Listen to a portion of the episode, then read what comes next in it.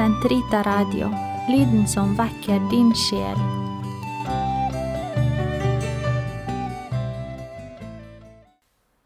Den katolske kirkes katekisme, uke 38, tirsdag 702 til 708. Ånden og Guds ord i løftenes tid. Fra begynnelsen frem til tidens fylde, Galaterne 4.4, forble Ordets og Faderens ånds felles sendelse skjult, men virksom. Da forbereder Guds ånd Messias tid, og begge, uten å være fullt, uten, fullt ut åpenbart, blir lovet, slik at de kunne være ventet og bli tatt imot når de så gir seg til kjenne. Derfor er det at når Kirken leser Det gamle testamentet, gransker den der det som Ånden, som har talt ved profetene, vil si oss om Kristus. Ved profetene forstår Kirkens tro her alle dem som Den hellige ånd har inspirert i nedskrivningen av de hellige bøker, både i Det gamle og i Det nye testamentet. Den jødiske tradisjon skjelner mellom loven, de fem første bøkene eller pentatauken, profetene, det vi kaller de historiske og de profetiske bøker, og skriftene, fremfor alt visdomsskriftene, særlig salmene. I skapelsen. Guds ord og Guds ånde er opphav til hver skapnings tilværelse og liv.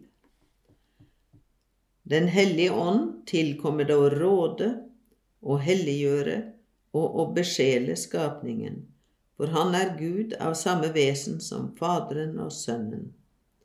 Ham tilkommer makt over livet, for som Gud bevarer han skapningen i Faderen ved Sønnen.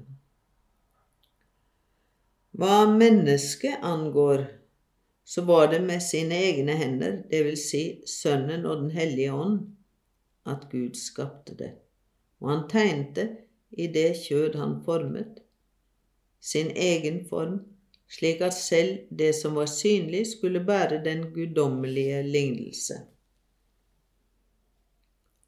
Løftets ånd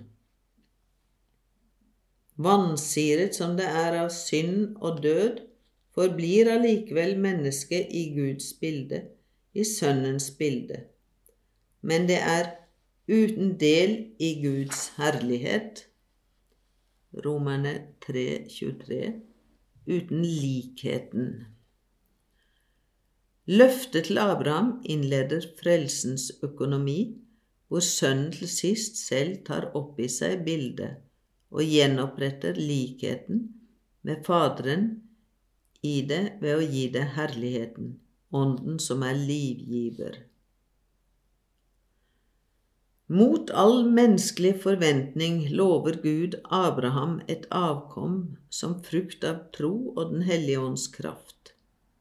I hans ett skal alle folkeslag velsignes. Denne etling blir Kristus i hvem utgytelsen av Den hellige ånd skal samle til ett alle de Guds barn som var spredt omkring.